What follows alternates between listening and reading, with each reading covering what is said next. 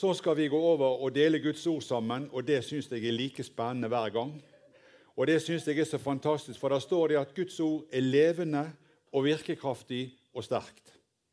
Og det er det vi trenger. Det trenger igjennom. Helt inn i ditt og mitt hjerte når Guds ord med alt det det innebærer. Og Temaet som er for denne søndagen, det er det som kommer opp her. Skal vi få det opp, det første? Det er 'La Gud få kontroll'. Det var det som var sagt opp.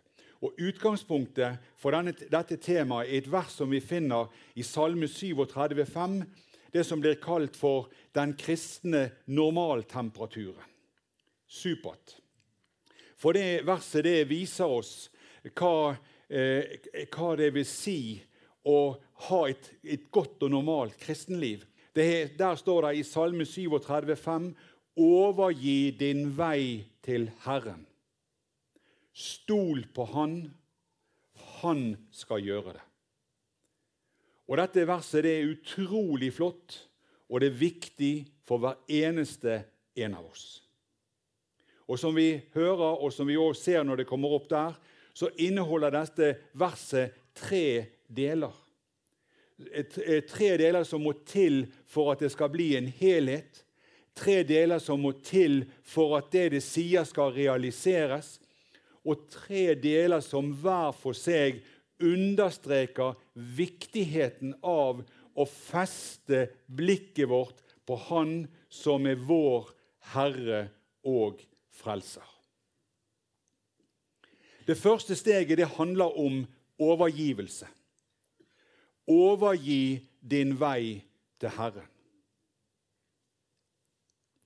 Når Gud skal få kontroll, sånn at han kan hjelpe hjelpe oss i livene våre, så er det viktig å understreke én ting.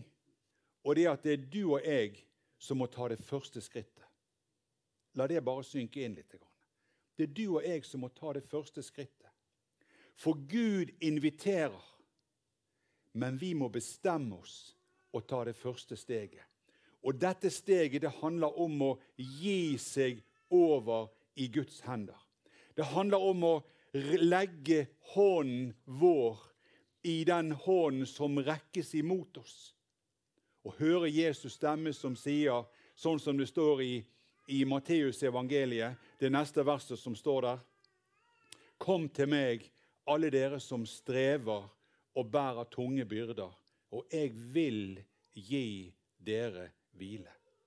For Jesus tvinger ikke oss til å komme, men han oppmuntrer oss og han utfordrer oss og sier 'kom'. Jesus sier til deg og meg 'kom'. Men det er du og jeg, vi, som må ville, som må velge å komme. Det handler om det første steget. Og det, sier, det sies det noe om i åpenbaringsboken, i det tredje kapittelet. Der står det 'Se, jeg står for døren og banker'. Om noen hører min røst og åpner døren, da vil jeg gå inn til han og holde måltid med ham og han ved meg. Han, han står der og banker på, men det er du og jeg som må velge å åpne, slik at han kan få komme inn med det han har til oss, inn i livet vårt. Det er dette steget Peter viser oss hva det innebærer når han våger å gå ut av båten og går på vannet mot Jesus. Jesus har invitert han. Han hadde sagt 'kom', og Peter kom. Og Peter gikk på vannet. Hva var det sto? 'Overgi din vei til Herren'. Det var det Peter gjorde. Og Salme 37, 5, der ser vi at Gud utfordrer oss til å ta til, til handling. Og det handler om å ta steget som fører oss frem til Han. Det handler om å åpne hjertedøren vår foran og slippe Jesus inn. Å bli født på ny det er en opprydningsaksjon, en redningsaksjon, som bare han, Jesus, kan gjøre i ditt og mitt liv. Og han vil gjøre det. Men det er vi som må slippe han inn og la han få komme til når han kaller. Det er vi som må åpne hjertedøren vår, og som må ville slippe han inn i alle deler av livet vårt. Vi må, som salmen sier, overgi vår vei til Herren. Det er det første steget.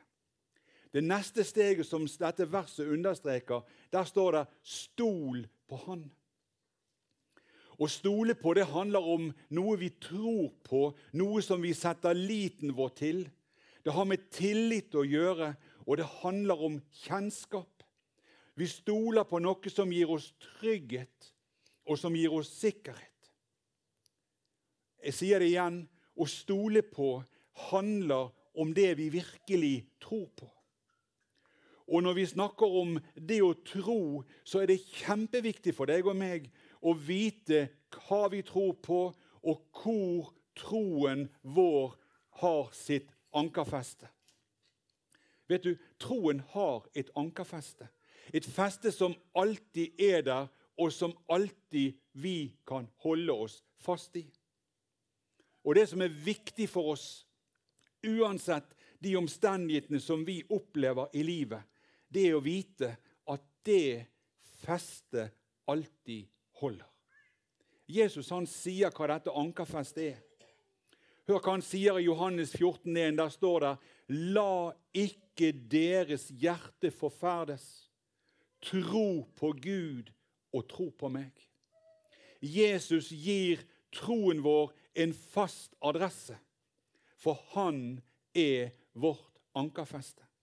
Om dette så skriver Hebreabrevets forfatter i det sjette kapittelet, i versene 19 og 20. Der står det dette håpet har vi som et anker for sjelen, sikkert og fast, som når inn til det indre innenfor forhenget, dit Jesus gikk som en forløper for oss, og han er blitt øverste prest etter Melkisedes ordning.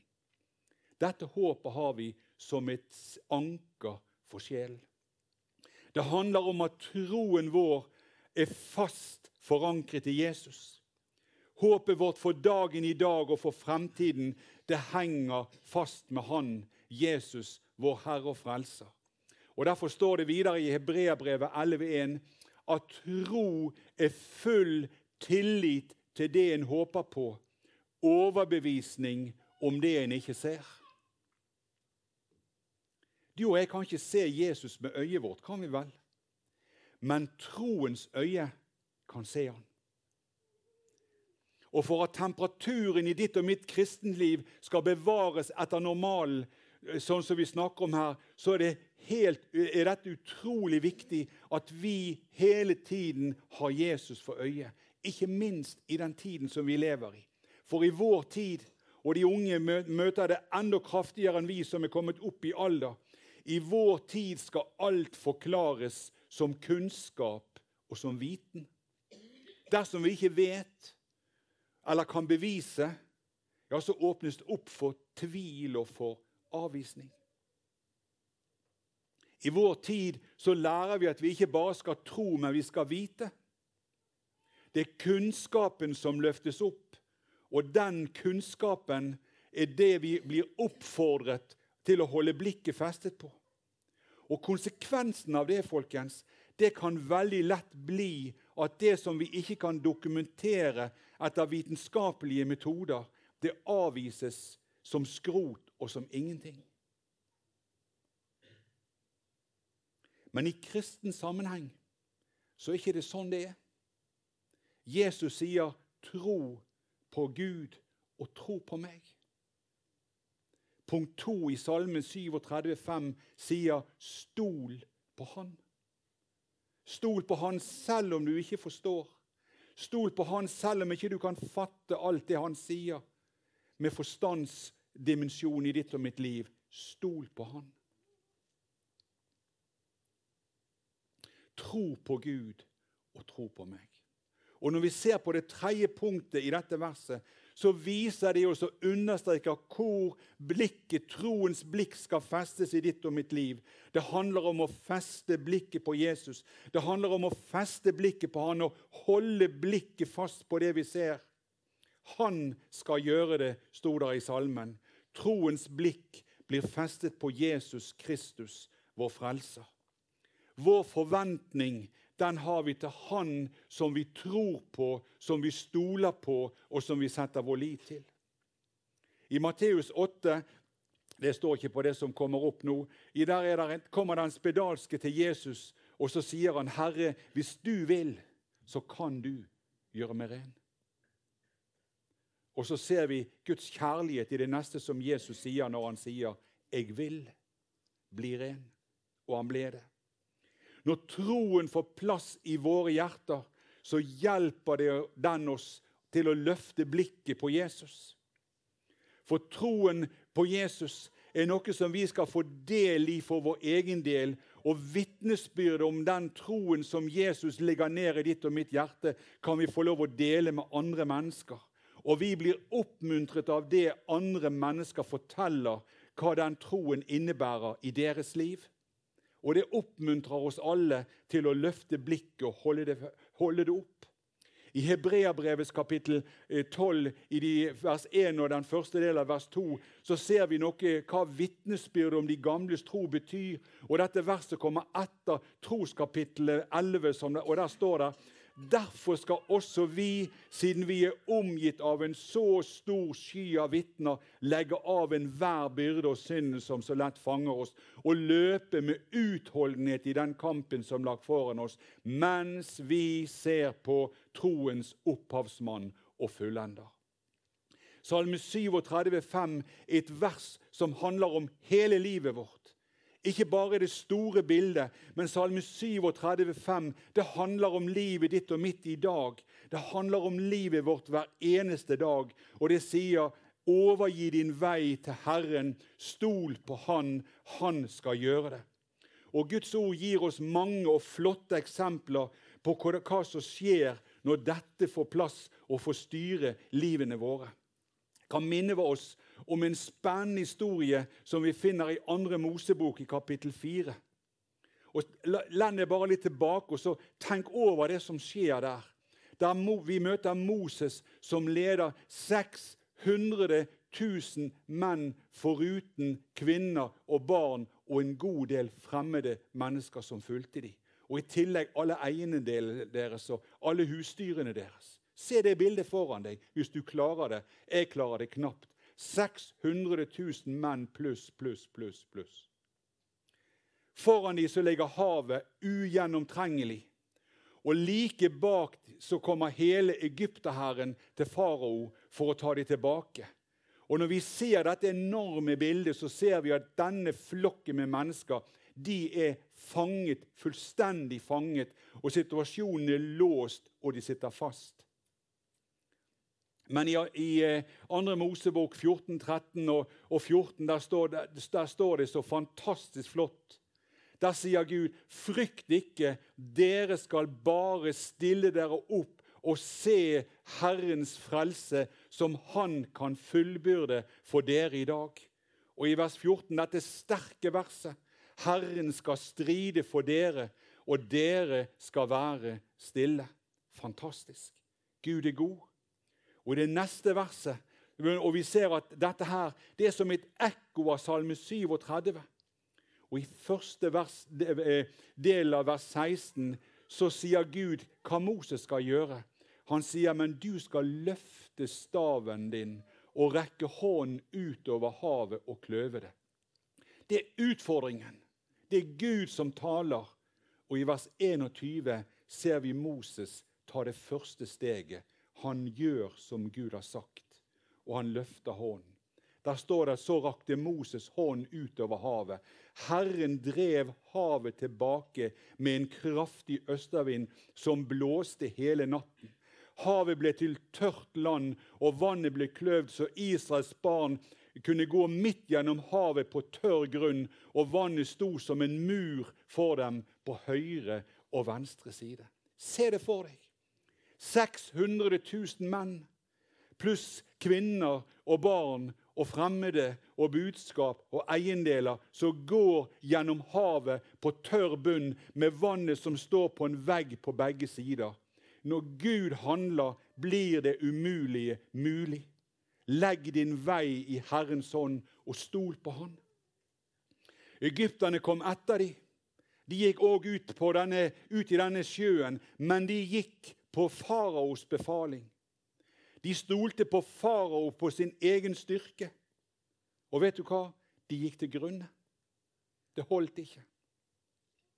Gud hadde sagt, 'Herren skal stride for dere, og dere skal være stille'. Fantastisk. Det er en annen spennende historie hvis vi går inn i andre kongebok. I det fjerde kapittelet og de syv første versene der kan vi lese en kvinne som var kone til en av profetdisiplene, ropte til Elisha og sa, 'Din tjener min mann er død, og du vet at din tjener fryktet Herren.' 'Nå kommer pengeutlånerne for å ta mine to sønner som sine slaver.' Da sa Elisha til henne, 'Hva skal jeg gjøre for deg?' 'Si meg, hva har du i huset?' Hun sa, 'Din tjenerinne har ikke noe annet enn en krukke med olje i huset.' Så sa han, Gå og lån kar fra hele nabolaget, fra alle naboene dine, tomme kar. Du må bare ikke samle få. Når du kommer inn, skal du stenge døren etter deg og dine sønner. Så skal du helle den i alle disse karene og sette de fulle karene til side etter hvert. Det er Gud som taler. Men det skjer ingenting før denne kvinnen gjør det Gud sier. Og etter at karene var hentet inn, så står det, så gikk hun og stengte døren etter seg og sine sønner, de som hentet karene til henne. Og hun helte den opp. Da karene var fylt, skjedde det at hun sa til sin sønn, 'Gi meg enda et kar.' Han svarte, 'Det er ikke flere kar.' Og da stanset oljen å renne. Så kom hun og fortalte dette til denne Guds mann. Han sa, Gå og selg oljen, og betal gjelden din, og du og dine sønner skal leve av overfloden. ikke det herlig? Gud sier og gir oss muligheter. Legg din vei i Herrens hånd og stol på Han. Han skal gjøre det. Og Guds ord viser det igjen og igjen at han gjør det. Vi ser at Salme 37, 5, den fungerer når vi leser når vi lever med Jesus. Hva har du i huset? Overgi din vei i Herrens ånd. Stol på Han, og Han skal gjøre det. Det står en annen spennende historie bare litt lenger ute i dette kapittelet. i andre, andre kongebok 4, litt lenger ute. Der står det så kom en mann fra Baal Shalisha. I knyttet hadde han med seg brød bakt av førstegrøden, 20 byggbrød og nymoden korn til Guds mann han, Elisha er det, sa, 'Gi det til folket, så de kan spise.' Men tjeneren han sa, 'Hva? Skal jeg sette dette frem foran hundrede menn?' Da sa han igjen, 'Gi det til folket, så de kan få spise.'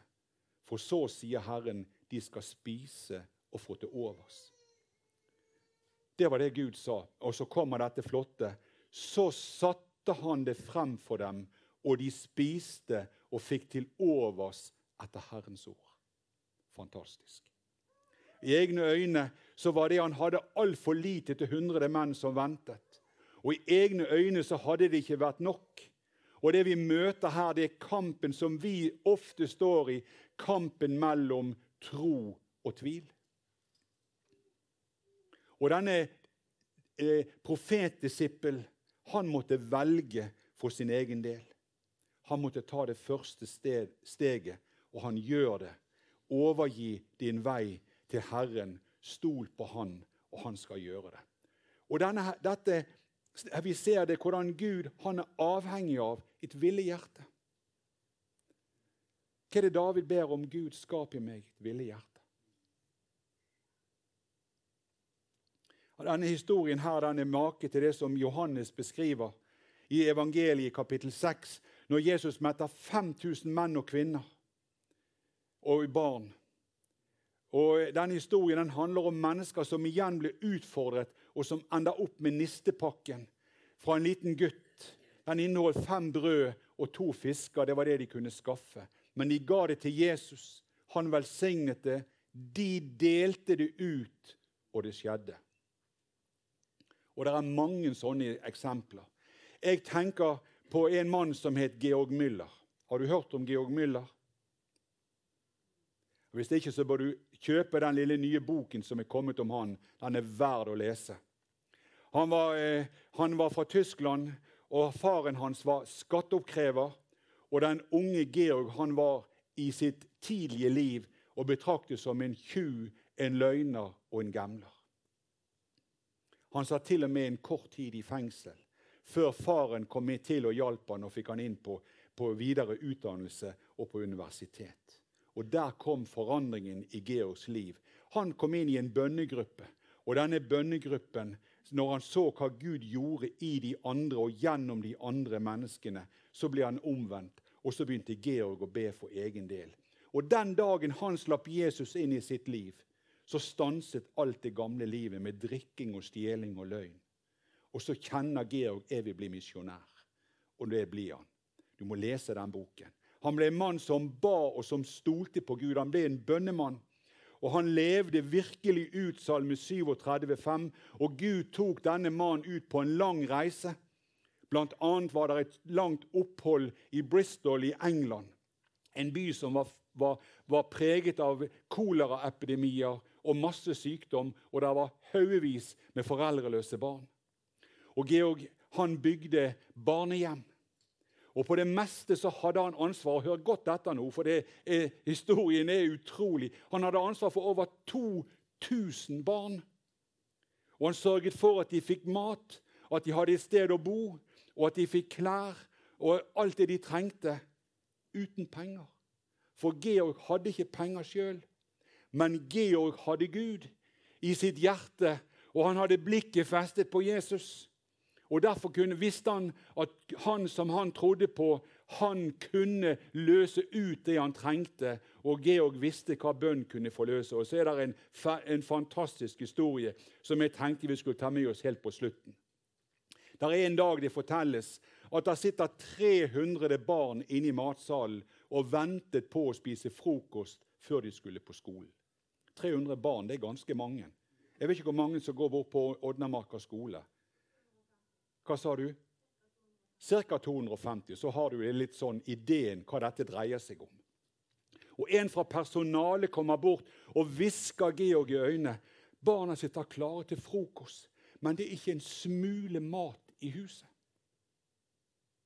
Og Georg han går inn i matsalen, der 300 barn venter og setter blikket på han. De skulle på skole, og tiden den var knapp. Og så sier Gud til denne betjeningen Gud vil gi oss det vi trenger. Gud vil gi oss det vi trenger. Så bøyde han hodet, og så ba han en kort bønn. Og Det syns jeg er så oppmuntrende. Gud er ikke avhengig av haugevis med ord og lange bønner, men et hjerte som er overgitt. Og han ber en kort bønn. Så ber han ungene sitte seg og be for maten. Og straks det ble stille etter bordbønnen, så banker det på døren. Inn kommer der en baker. Og Gud har vekket denne bakeren tidlig tidlig på natten og sagt at han skulle bake brød til barna på barnehjemmet. Og det hadde han gjort.